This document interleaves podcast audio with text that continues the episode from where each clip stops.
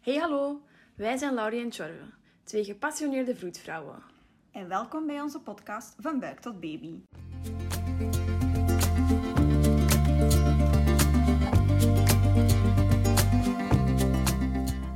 Dit is een podcast die zich richt op alles wat te maken heeft met een kinderwens, zwangerschap, bevallen en postpartum. Waarbij wij als vroedvrouw onze expertise delen door in gesprek te gaan met experten en ervaringsdeskundigen om zo onze luisteraars te begeleiden in deze belangrijke fase van hun leven.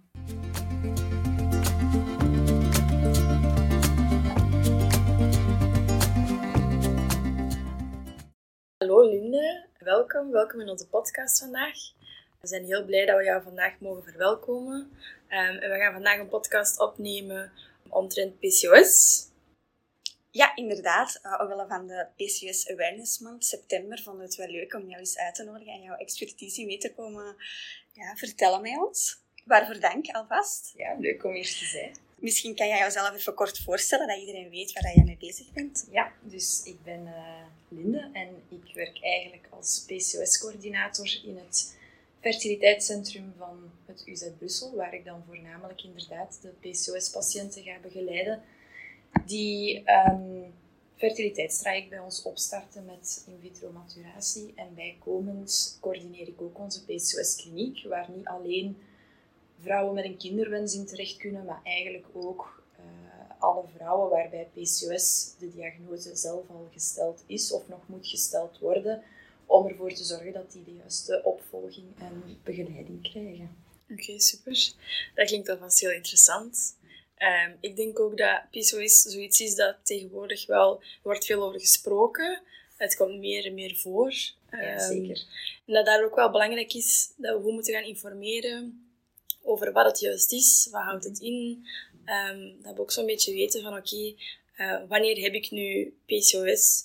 Dus ik denk dat het misschien wel fijn is dat we daar wat meer informatie over hebben van Stel nu, um, ik denk dat ik PCOS heb, welke klachten komen daar vaak bij kijken? Ja, um, wel, we zullen misschien beginnen met, met zeggen dat PCOS staat voor het polycystisch ovariumsyndroom. Mm um, en eigenlijk is dat ja, een zeer slecht gekozen naam. Hè. we spreken in de, in de benaming over polykystische eierstokken. Maar eigenlijk zijn dat geen kystes dat we daar zien, dat is niks kwaadaardig. Dat zijn eigenlijk gewoon follikeltjes dat we daar zien, ofwel vochtblaasjes, waar dan mhm. normaal gezien de eicellen in zitten. Dus eigenlijk kunnen we gewoon al zeggen dat bij, die, bij de dames uh, waarbij PCOS wordt vastgesteld, dat die heel vaak gewoon veel follikeltjes of veel eicelletjes hebben. Dus dat die een verhoogde eicelreserve is, uh, of hebben. Um, dus de, de, de, benaming klinkt altijd zo heel negatief, maar op zich hoeft het dan niet, niet per se te zijn. Oké. Okay. Um, en als we dan gaan kijken, ja, dan is het belangrijk dat we eerst de correcte diagnose stellen, mhm. die eigenlijk niet zo moeilijk is. Maar toch moeten we vaststellen dat ja, tot 50 à 70 procent van vrouwen met PCOS eigenlijk hun correcte diagnose nooit krijgen. Hè. Dus het is, is toch wel veel, ja. Ja, dat is ontzettend veel. En um, daarom vind ik het ook een goed idee om dat vandaag eens in de, in de aandacht te brengen. Zeker in de PCOS Awareness Month, om daar toch wat meer uh, aandacht voor te kunnen hebben.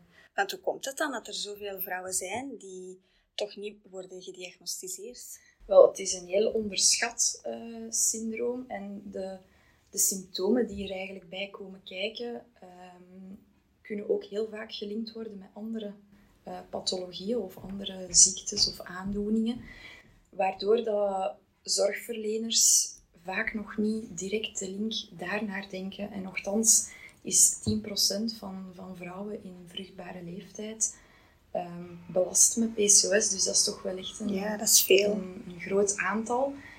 Waardoor dat wij zo er meer van uitgaan. Ja, eigenlijk is dat de eerste link die we zouden moeten leggen wanneer een vrouw met die klachten naar, naar de zorgverlener gaat. Ja. als ik het begrijp, zou er misschien vooral bij zorgverleners veel meer um, ja, awareness of, of um, bekendheid moet er komen rond PCOS om toch veel sneller daaraan te denken en die piste gaan uit, uh, uit te gaan uiteindelijk. Ja, zeker en vast. En, en daar zetten wij ook momenteel heel hard op in. Um, om dat meer onder de aandacht te brengen, vooral in de eerste lijn. Hè, want zelfs een huisarts kan eigenlijk vrij makkelijk de diagnose van PCOS gaan mhm. stellen. Je hoeft daarvoor niet een fertiliteitsexpert of, of, of, een gynaecoloog te zijn. Eigenlijk kan dat gewoon zelfs bij de huisarts worden vastgesteld ja. op, op vrij makkelijke criteria. En aan de hand van welke criteria is dat dan juist specifiek? Wel, ehm, er zijn eigenlijk drie criteria ehm, waarvan dat we kunnen zeggen, als er twee van die drie aanwezig mhm. zijn, dan kunnen we over PCOS gaan spreken. De eerste is dan inderdaad die polykistische eierstokken, waarbij dat we dan uh, kunnen gaan vaststellen uh, of de eicel, uh, ja, reserve zullen we maar zeggen, of die verhoogd is bij dat soort, of bij PCOS-patiënten. Um, dat is heel makkelijk vast te stellen. Je kan dat doen door middel van een echografie te gaan doen mhm. en te gaan tellen hoeveel van die follikeltjes dat er nu zichtbaar zijn op de eierstok. Hè. Ja. Um, een ander heel makkelijk um, symptoom is een onregelmatige of een afwezige menstruele cyclus. Hè. Dus als vrouwen slechts uh, heel beperkt op een jaar een, een, menstruatie hebben of totaal geen menstruatie. Hè. We spreken dan over cyclussen die langer zijn dan 35 dagen, ofwel ehm, minder dan 8 cyclussen per jaar, dan uh, hebben we daar direct het derde symptoom, het tweede symptoom van, van PCOS. En dat is eigenlijk gewoon door de vraag te stellen dat je dat al kan nagaan. Ja, super simpel. Heel gemakkelijk. Ja. Um, en dan het derde uh, symptoom is eigenlijk hyperandrogenisme, om het met een moeilijk woord te mhm. zeggen. Maar als we het dan vereenvoudigen, dan is dat eigenlijk een verhoogd aantal mannelijke hormonen bij de vrouw. Hè. Ja. En dat kan je zowel in het bloed als um, op het zicht klinisch gaan vaststellen. In het bloed gaan we dan kijken naar de hoeveelheid testosteron of vrij testosteron dat er uh, zichtbaar is. En um, je kan het ook gewoon navragen of dat die vrouw bijvoorbeeld last heeft van acne of van uh, ja, okay. hirsutisme of um, ja, makkelijk gezegd of ze een, een versterkte of, of, een verhoogde beharing hebben in het aangezicht, op de armen, op de benen. Um, dat, dat is dan het derde symptoom. En eigenlijk als je er twee van de drie hebt, kunnen we zeggen ja, jij hebt PCOS. Hè, dus dat is, dat is vrij eenvoudig om dat te, te gaan doen. Hè. Ja. Um, en afhankelijk van welk van de symptomen dat je hebt, heb je een verschillend type soort PCOS. Ja. En is dat een diagnose die een huisarts ook kan stellen? Of wordt er steeds doorgewezen naar een gynaecoloog om dat eigenlijk verder te bekijken? Wel, ik denk dat uh, elke, elke huisarts um, diagnose voor een groot stuk kan stellen. Die kan ook een bloedafname doen om te gaan kijken of die mannelijke hormonen aanwezig zijn. Mhm. Die kan ook navragen of dat de menstruele cyclus regelmatig is of niet. Nu zitten we effectief met de diagnose PCOS. Ja, dan lijkt het mij wel best dat die huisarts gaat doorverwijzen. Een beetje op basis van de klachten waar dat die dame mee zit. Ja, en haar specifieke vraag naar de juiste specialist. Dat kan de gynaecoloog zijn, maar dat kan ook de endocrinoloog zijn. Of de fertiliteitsexpert, als er ja, effectief uh, kinderwens is. Want stel dat je jezelf dan een beetje kunt vinden in de, in de symptomen die we net hebben aangehaald. Um, welke stap neem ik dan best het eerste? Welke zorgverlener ga ik dan best het eerst opzoeken? Ga ik dan best eerst langs de huisarts? Of ga ik dan toch best eerst langs mijn gynaecoloog Als je zelf al de link gaat gelegd hebben naar PCOS... Mhm dan zou ik zeggen, maak eens een afspraak bij de gynaecoloog. Hè. Ehm, dat is niet super urgent, dus je kan perfect afwachten tot als er een, een afspraakje bij de gynaecoloog uh, vrij is. Hè, want we weten dat daar vaak wel wat wachttijden ja. zitten. Um, zeg je van, oh, ik heb echt wel urgente klachten. Ik kan altijd al naar de huisarts gaan om, om te beginnen aan iets. Hè. Um, of je kan de PCOS-kliniek gaan... Uh, gaan contacteren, maar dan is dat al een beetje reclame ja. voor mijn winkel. iedereen zomaar naar Brussel te sturen, dat is misschien zo dat, ah, wel, dat, is, dat is misschien al een grote stap om, uh, om te gaan zetten. Ja. Maar het is ook niet zo dan dat je um, moet wachten van, ah ja, nu wil ik graag zwanger worden en goh, het plaatje klopt wel, dus nu zal ik er maar eens mee, ver mee verder gaan. Nee, zeker niet. Um, we horen dat wel heel vaak hè, um, als patiënten mij contacteren om, om te zeggen, kijk... Uh, er is PCOS vastgesteld, ik maak mij wat ongerust, want mijn huisarts of mijn gynaecoloog, of maakt al niet uit wie, uh, hebben gewoon gezegd, neem de pil en pas als je voor, een, uh, over je kinderwens wilt gaan, kun je eens terugkomen. Maar dat is eigenlijk niet de bedoeling. Mhm. Er zijn heel wat um, andere uh, pathologieën of verhoogde risico's verbonden aan PCOS die eigenlijk al best is op voorhand kunnen worden nagekeken voordat er sprake is van Ja. kinderwens. En zelfs ook nadat je met een kinderwens die voldaan is eh, zit, kan je beter ook nog altijd PCOS de nodige aandacht geven. Toch wel de moeite. En is PCOS dan iets waar genezen kan worden? Of is het eerder wat symptoombestrijding waar, waar je moet doen? Of hoe moeten Ja, we dat dan dus zien? genezen kan je het niet. Hè. Nee. Ehm, PCOS is iets waarmee je geboren wordt ehm, en dat ook voor de rest van je leven aanwezig zal zijn tot op zekere hoogte. Hè. Maar er zijn wel degelijk behandelingen of therapieën waardoor dat je de PCOS kan gaan optimaliseren om er zo weinig mogelijk last van te hebben. Ja, en als je dan kijkt naar, naar de klachten, wat zijn zo de meest voorkomende of, of de grootste klachten? Je hebt er al een aantal wel opgenoemd, over Ja. beharing en zo, maar Ja, ja, ja. Dus ehm, de overbeharing is zeker eh, al ene en acne is daar een ander eh, Mhm. aspect Ja. van waar dat dames vaak mee zitten. Verder worden ze ook vaak geconfronteerd met obesitas, hè, dus overgewicht. Ehm, dat zijn echte dames die je mag geloven als ze zeggen: Ik heb al zoveel geprobeerd Ja. en ik, ik slaag er niet in om gewicht te gaan Mhm. verliezen. Dat is echt waar bij die, bij die dames, dat is ontzettend moeilijk. Dus heel veel eh, van de PCOS-dames hebben ook echt met overgewicht te maken. En verder hebben ze ook ehm, heel vaak te kampen met insulineresistentie. Wat eigenlijk wil zeggen dat de lichaamscellen niet ehm, gevoelig zijn voor insuline, waardoor dat de bloedsuiker wat te hoog gaat Ja. eh, liggen.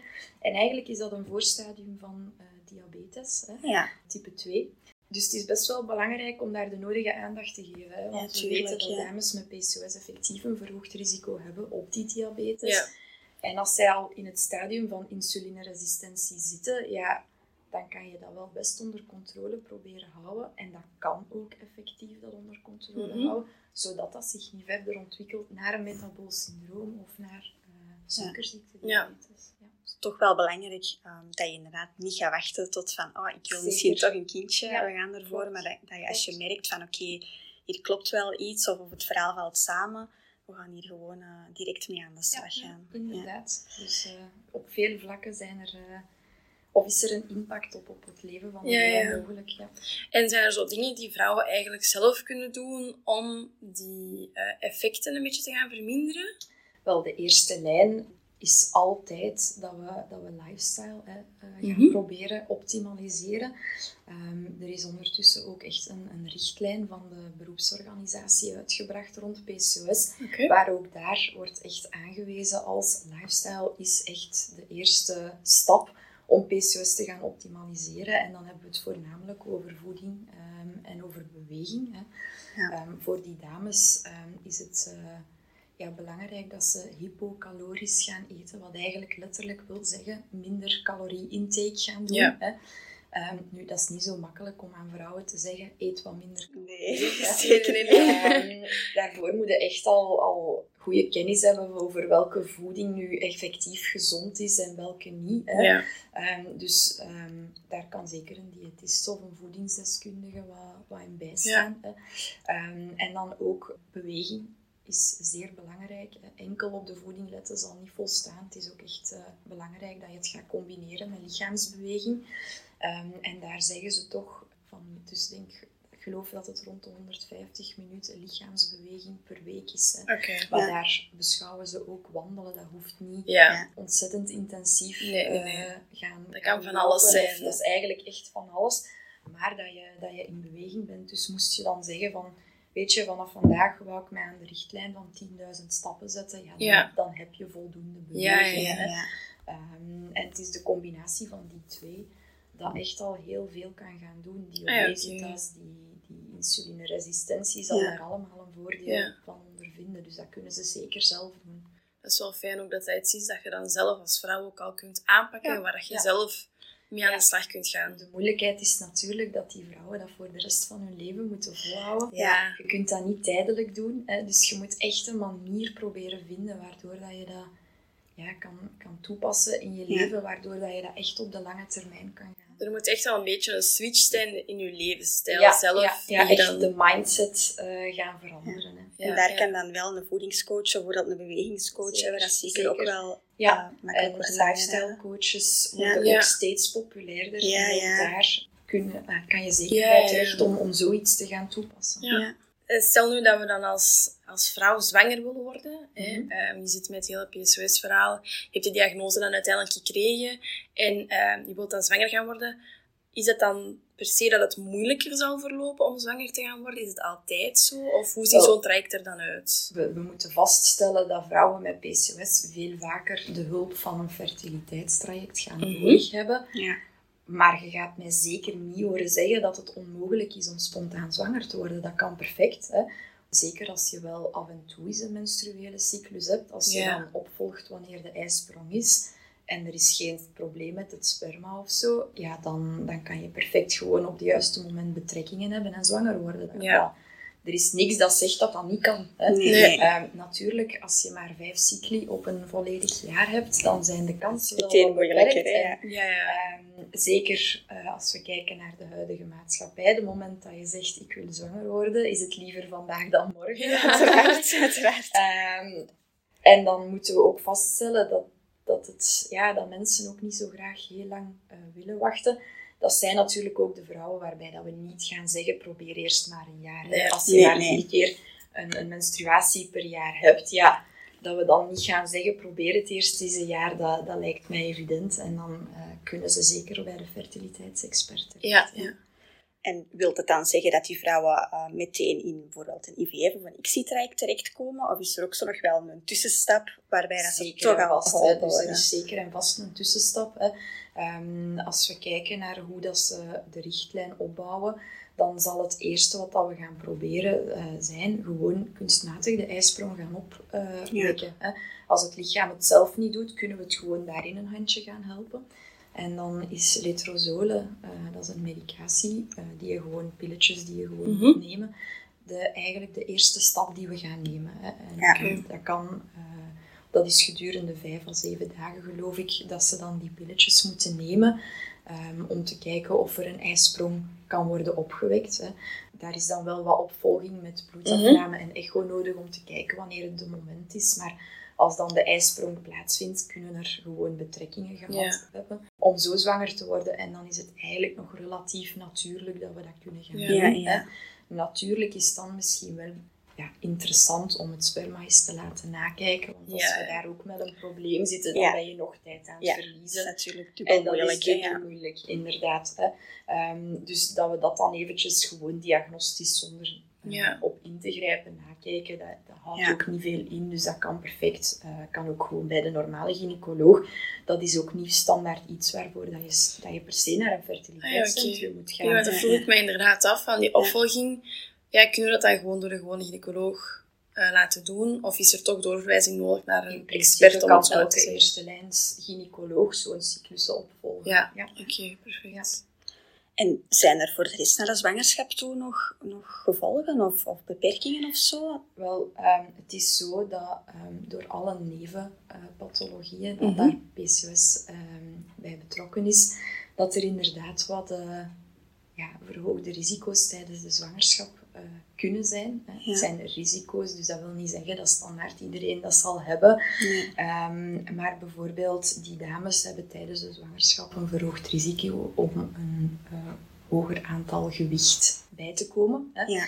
Ze hebben ook een iets verhoogd risico op vroege miskramen, wat wel een, soms wat verschieten kan zijn voor dames als Ja, er zeker. afkomen, hè. Zeker. Ehm, verder, ja, zoals ik al zei, hebben ze last of hebben ze een verhoogd risico van, van, op diabetes. Ook tijdens de zwangerschap hebben ze dus een verhoogd risico op zwangerschapsdiabetes, Ja. wat dat we vaak zien. Hè. Ehm, verder hebben ze ook nog eh, verhoogde risico's op eh, hoge bloeddruk of op preeclampsie of Mhm. zwangerschapsvergiftiging Ja, in ja. volksmond. Hè. Dus dat zijn wel al dingen die tijdens de zwangerschap best eventjes kunnen worden Opgevolgd. Hè. Ja. Eh, er zijn ook al wel ehm, beginnend technieken om dat te, te gaan doen, zeker naar eh, die zwangerschapsvergiftiging of hypertensie, hoge bloeddruk. Ja. Ehm, zijn er wel manieren om dat Ja, verder of gedetailleerder te gaan opvolgen. Hè. Ja. Maar inderdaad, vanuit de beroepsorganisatie wordt PCOS-patiënten of vrouwen waarbij PCOS is Mhm. vastgesteld, worden zowel wat meer beschouwd als een hogere risicozwangerschap daardoor. Ja, ja. Het zijn toch wel allemaal mama's of vrouwen die dan toch best door een gynaecoloog opgevolgd worden in hun zwangerschap en niet per se alleen door een vroedvrouw. Niet tegenstaande kunnen ze ook door een vroedvrouw mee opgevolgd worden. Zeker gewoon door een vroedvrouw worden, worden opgevolgd. Mhm. Ehm, er is nog niet echt duidelijk een consensus over moeten we die nu echt verhoogd gaan opvolgen. Nu, als je het lijstje opzomt, dan zou je beginnen denken van wel, maar daar zijn eigenlijk nog geen duidelijke richtlijnen uh, over te vinden. Natuurlijk, als je een aantal standaardtesten uh, uitvoert die altijd in de zwangerschap worden uitgevoerd, hè. de suikertest, daar gaan, gaan we dan ook al heel veel zien. Ja. Uh, bloeddrukken worden sowieso al opgevolgd, dus daarmee kunnen we natuurlijk ook al veel bekijken. Um, ik denk, als je dan zo op die manier kunt opgevolgd worden, in combinatie door de gynaecoloog en de vroedvrouw. Ja, dan kom je al een heel eind ja. inderdaad. Hè? Ja. Um, als je echt gewoon heel goed die, de standaard opvolging ja, die aangeboden wordt, als je die gaat doen, dan zie ik niet in waarom dat er nog van dichterbij moet opgevolgd worden. Nee.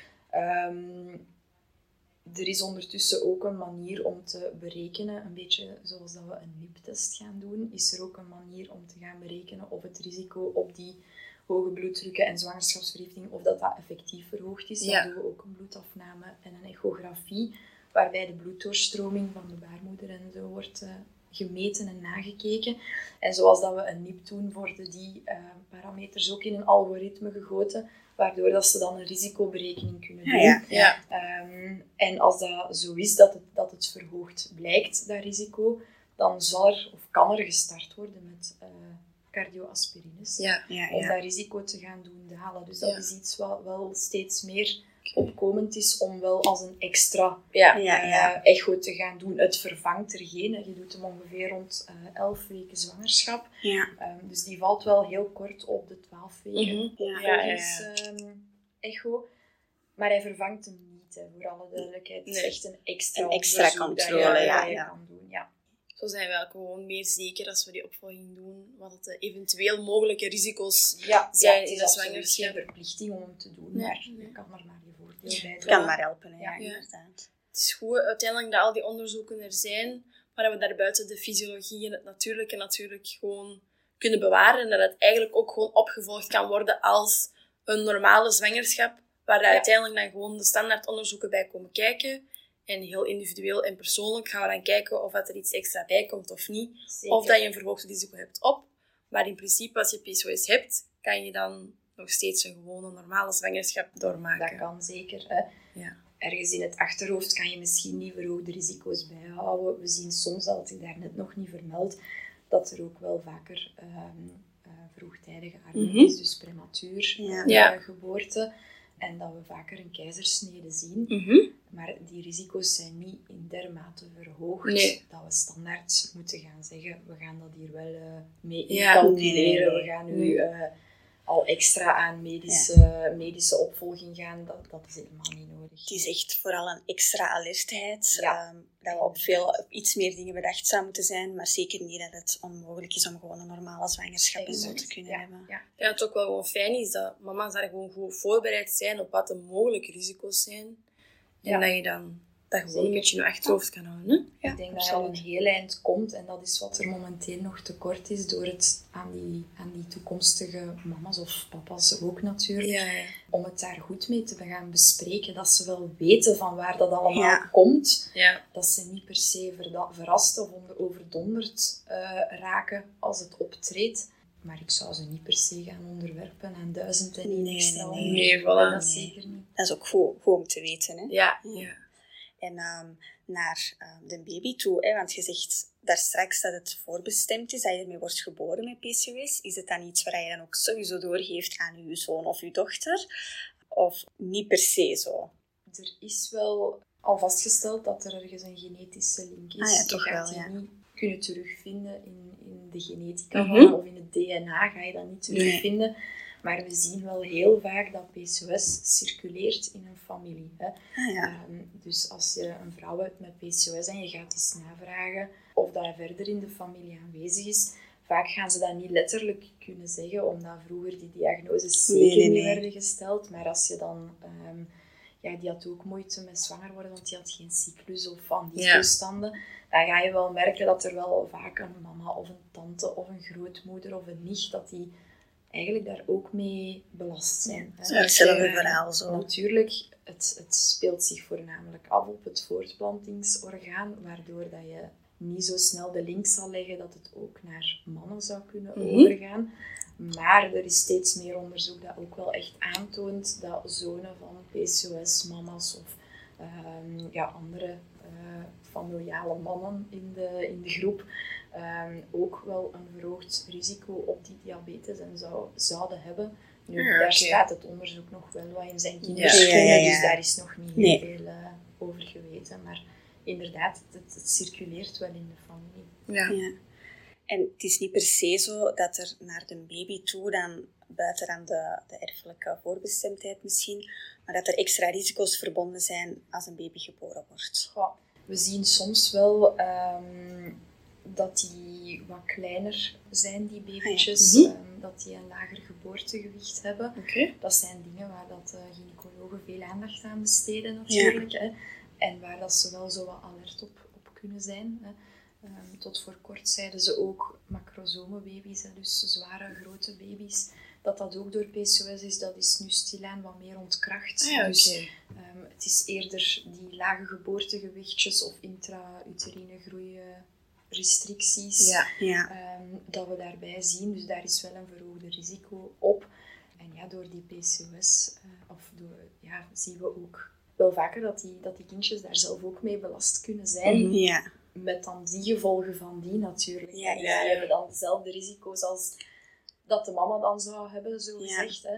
We, we kunnen ook wel iets meer opnames op de neonatale zien, maar ja, dat is dan gelinkt effectief aan die, aan die groeirestricties en de, de, de, nevenwerkingen dat daarbij ja, komen kijken natuurlijk. Maar uiteindelijk, als je alles een beetje wat samenvat rond PCOS en de gevolgen, dan kan het op zich voor zowel moeder als kind allemaal wel gewoon prima verlopen als we gewoon alles in ons achterhoofd houden. En gewoon verder alles goed blijven opvolgen. Hè? Want oké, onze baby heeft wel een aantal risico's, maar het kan in principe ook allemaal gewoon prima verlopen. Het kan allemaal vlot gaan. We moeten gewoon bedacht zijn op een aantal dingen. Inderdaad, dus het is belangrijk. Informeer de vrouw, zou ik zeggen. Um, als je zelf als vrouw het gevoel hebt dat je PCOS hebt, twijfel niet om, om daar wat verder informatie over te gaan indienen. En, en ga kijken naar de, naar de mogelijkheden die er zijn om dat te laten opvolgen. Via een PCOS-kliniek of uh, gewoon via de huisarts of de gynaecoloog, waar dat je je comfortabel bij, bij voelt. En ook afhankelijk van de symptomen waar dat je mee te maken hebt, natuurlijk. En is de opvolging in het postpartum na de bevalling dan ook heel belangrijk? Is er nog extra opvolging rond die PCOS nodig? Ah, of niet zozeer? Ik ben ehm, speciaal voor de podcast voor gaan kijken, want daar was ik nu niet helemaal uh, in mee, omdat ik mij vooral rond het fertiliteitsgedeelte uh, bezig hou. Maar eigenlijk verloopt dat gewoon zoals andere uh, opvolgingen. Dus dat is niks extra, of, of die hebben ook geen verhoogde risico's dat ik zo direct kon, uh, kon terugvinden. dus daar is eigenlijk niks, uh, niks anders. Dus dat kan gewoon standaard opvolging door de vroedvrouw aan huis, zes weken controle postpartum door de gynaecoloog en verder... Uh, verder hoeft daar niet per se extra's aan toegevoegd zullen nee, nee, nee, nee, Oké, dat is ook al mooi dat we dat zouden weten. dat dat in principe gewoon standaard zorg voor is, hè? Ja. Dat dat niks bijzonders is. Nee, ik denk dat het, het meest, of het, of het uh, belangrijkste deel bij PCOS zich echt naar het zwanger worden toe gaat eh, bevinden. Omdat die heel vaak inderdaad die moeilijkheden hebben. En dan uh, ja, hebben we daar de fertiliteitstrajecten die, die we kunnen aanbieden. We zeggen vaak die, dat, dat PCOS-patiënten, want daar hebben ze dan wat risico, allez, wat schrik voor, zal ik mhm. maar zeggen. Om van hun eigen gynaecoloog horen ze dan vaak, oei oei oei, dat gaat moeilijk worden om zwanger te worden. Maar als je eens gaat kijken in, in de literatuur, dan zien we dat die eigenlijk evenveel kans hebben om zwanger te worden. Maar het risico dat het langer duurt, eer ze aan een zwangerschap Het duurt vooral wel langer, ja. inderdaad. Hè, dus die een geduld wordt uh, danig op de proef gesteld. Het is al een voorproefje voor als een baby er is dan. Ja, ja. Oefenen in geduld. Ja, ja, oefenen in geduld, inderdaad. Zullen experten zijn. Ja. Dus dat ze zijn. Ja. Want je hebt ook al meerdere keren gepraat over de PCOS-kliniek. Mhm. Eh, die is hier in Brussel wat houdt eigenlijk juist in en waarom zou je met PCOS eigenlijk hier terecht kunnen? Wel, ehm, wat we met de PCOS-kliniek proberen doen, is echt een, een soort van op maat gemaakte opvolging ehm, aan die dames geven.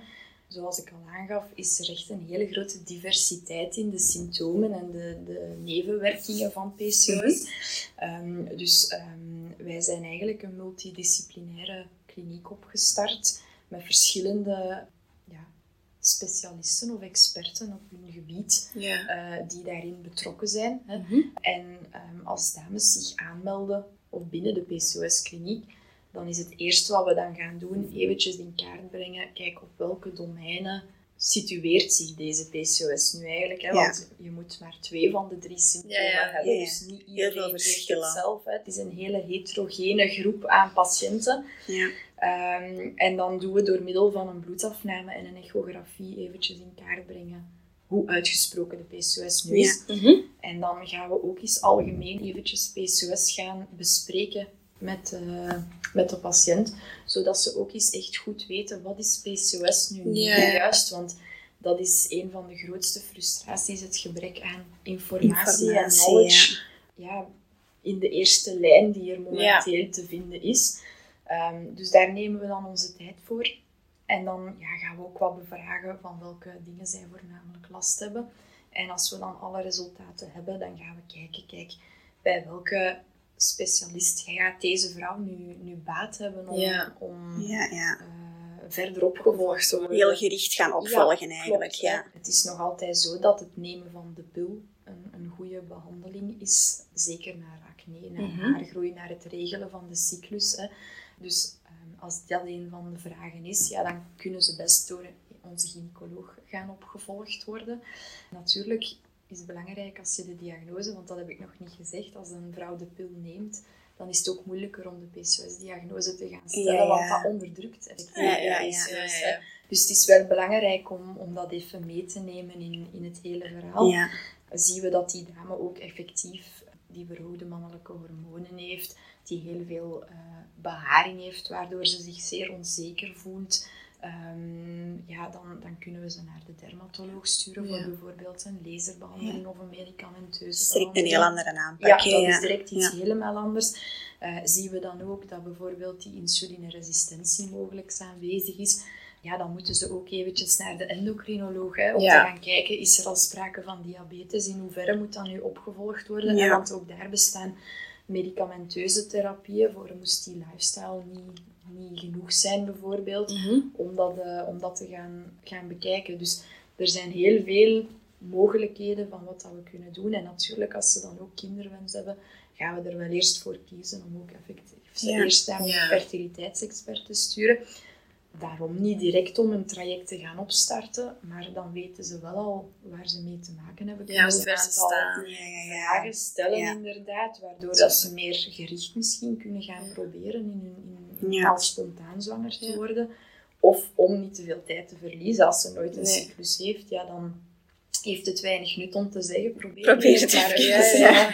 Dus dat, dat gaan we gaan, gaan bekijken. Dus uh, ja. dat is een beetje hoe dat, hoe dat de PCOS-kliniek eruit ziet. En um, ik kan me wel best voorstellen dat, dat als ze morgen tegen mij zouden zeggen van ja, goh, kijk, je hebt PCOS en je wilt misschien kinderen of niet, dat er zeiden. Is er dan misschien ook een psycholoog verbonden aan de PCOS-kliniek? Of hoe, hoe zit, gaat dat in zijn werk? Ja, dat is, ik denk, op dit moment een van de grootste tekortkomingen dat, dat wij hebben. Um, ik weet niet hoe het in andere PCOS-klinieken uh, zit. Maar het is inderdaad zo, hè, bij PCOS zien we vaak een, een verlaagde kwaliteit van leven. Ja. ja dat, dat, dat lijkt ook logisch, hè, als, als een vrouw um, heel wat acne, heel wat beharing, overgewicht heeft, dat ze zich minder goed in haar vel gaat voelen. Ja. dat hoeft niet te verbazen.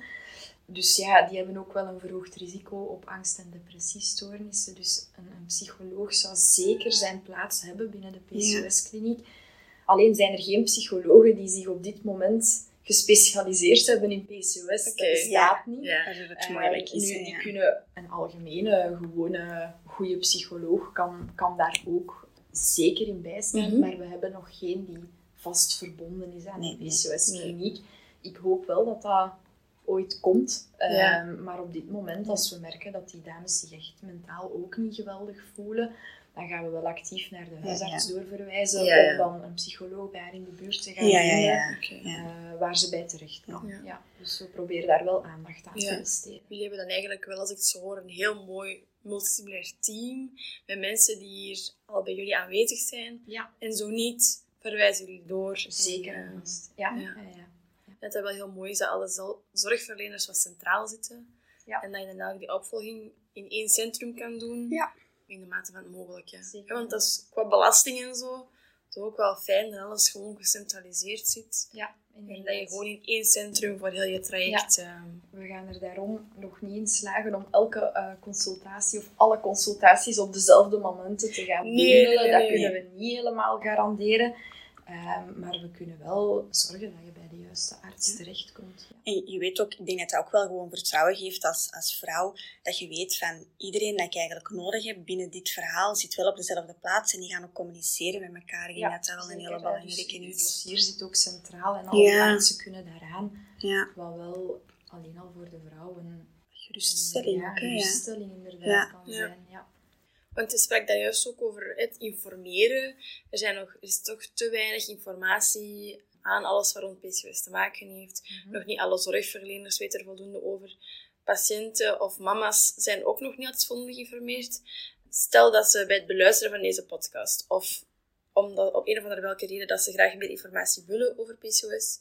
Is er dan een website of, of iets anders waar wij ze terecht kunnen of een informatiekanaal om meer informatie te krijgen? Um, ja, sowieso. We hebben ondertussen een pagina op de site van het UZ Brussel. Mhm. Nu, qua informatie aan PCOS is dat eerder beperkt. Dat is meer tot doel om een afspraak bij ons of een contact met ons persoonlijk op te nemen.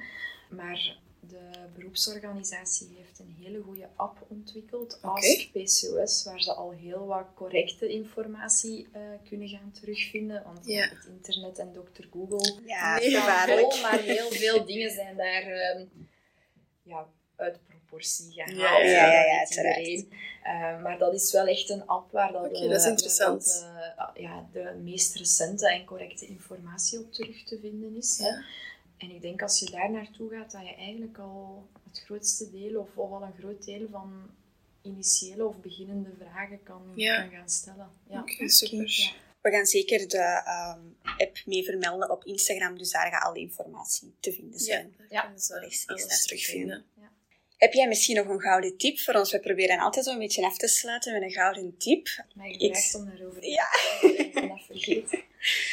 Iets dat je denkt van, dat wil ik nu zeker meegeven rond PCOS. Um, dat is belangrijk om mee te geven. Goh, ik denk dat ik het dan uit twee delen zou laten bestaan. Enerzijds voor de algemene PCOS-patiënt. Mhm.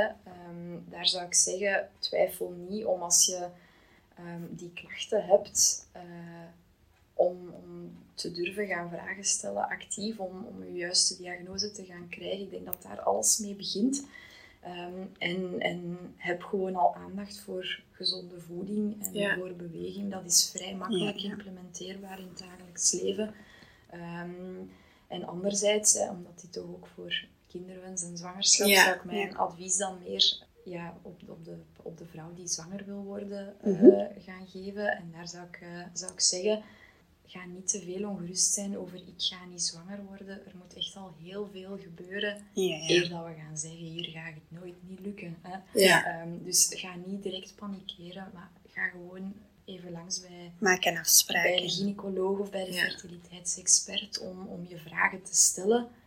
En begin niet overhaast aan, aan van alle medicamenteuze therapie nee, om, nee. dat te gaan verbeteren. Eerst goed laten informeren ja. en dan verder kijken. Exact, dat is het belangrijkste. Oké, okay, super. Okay.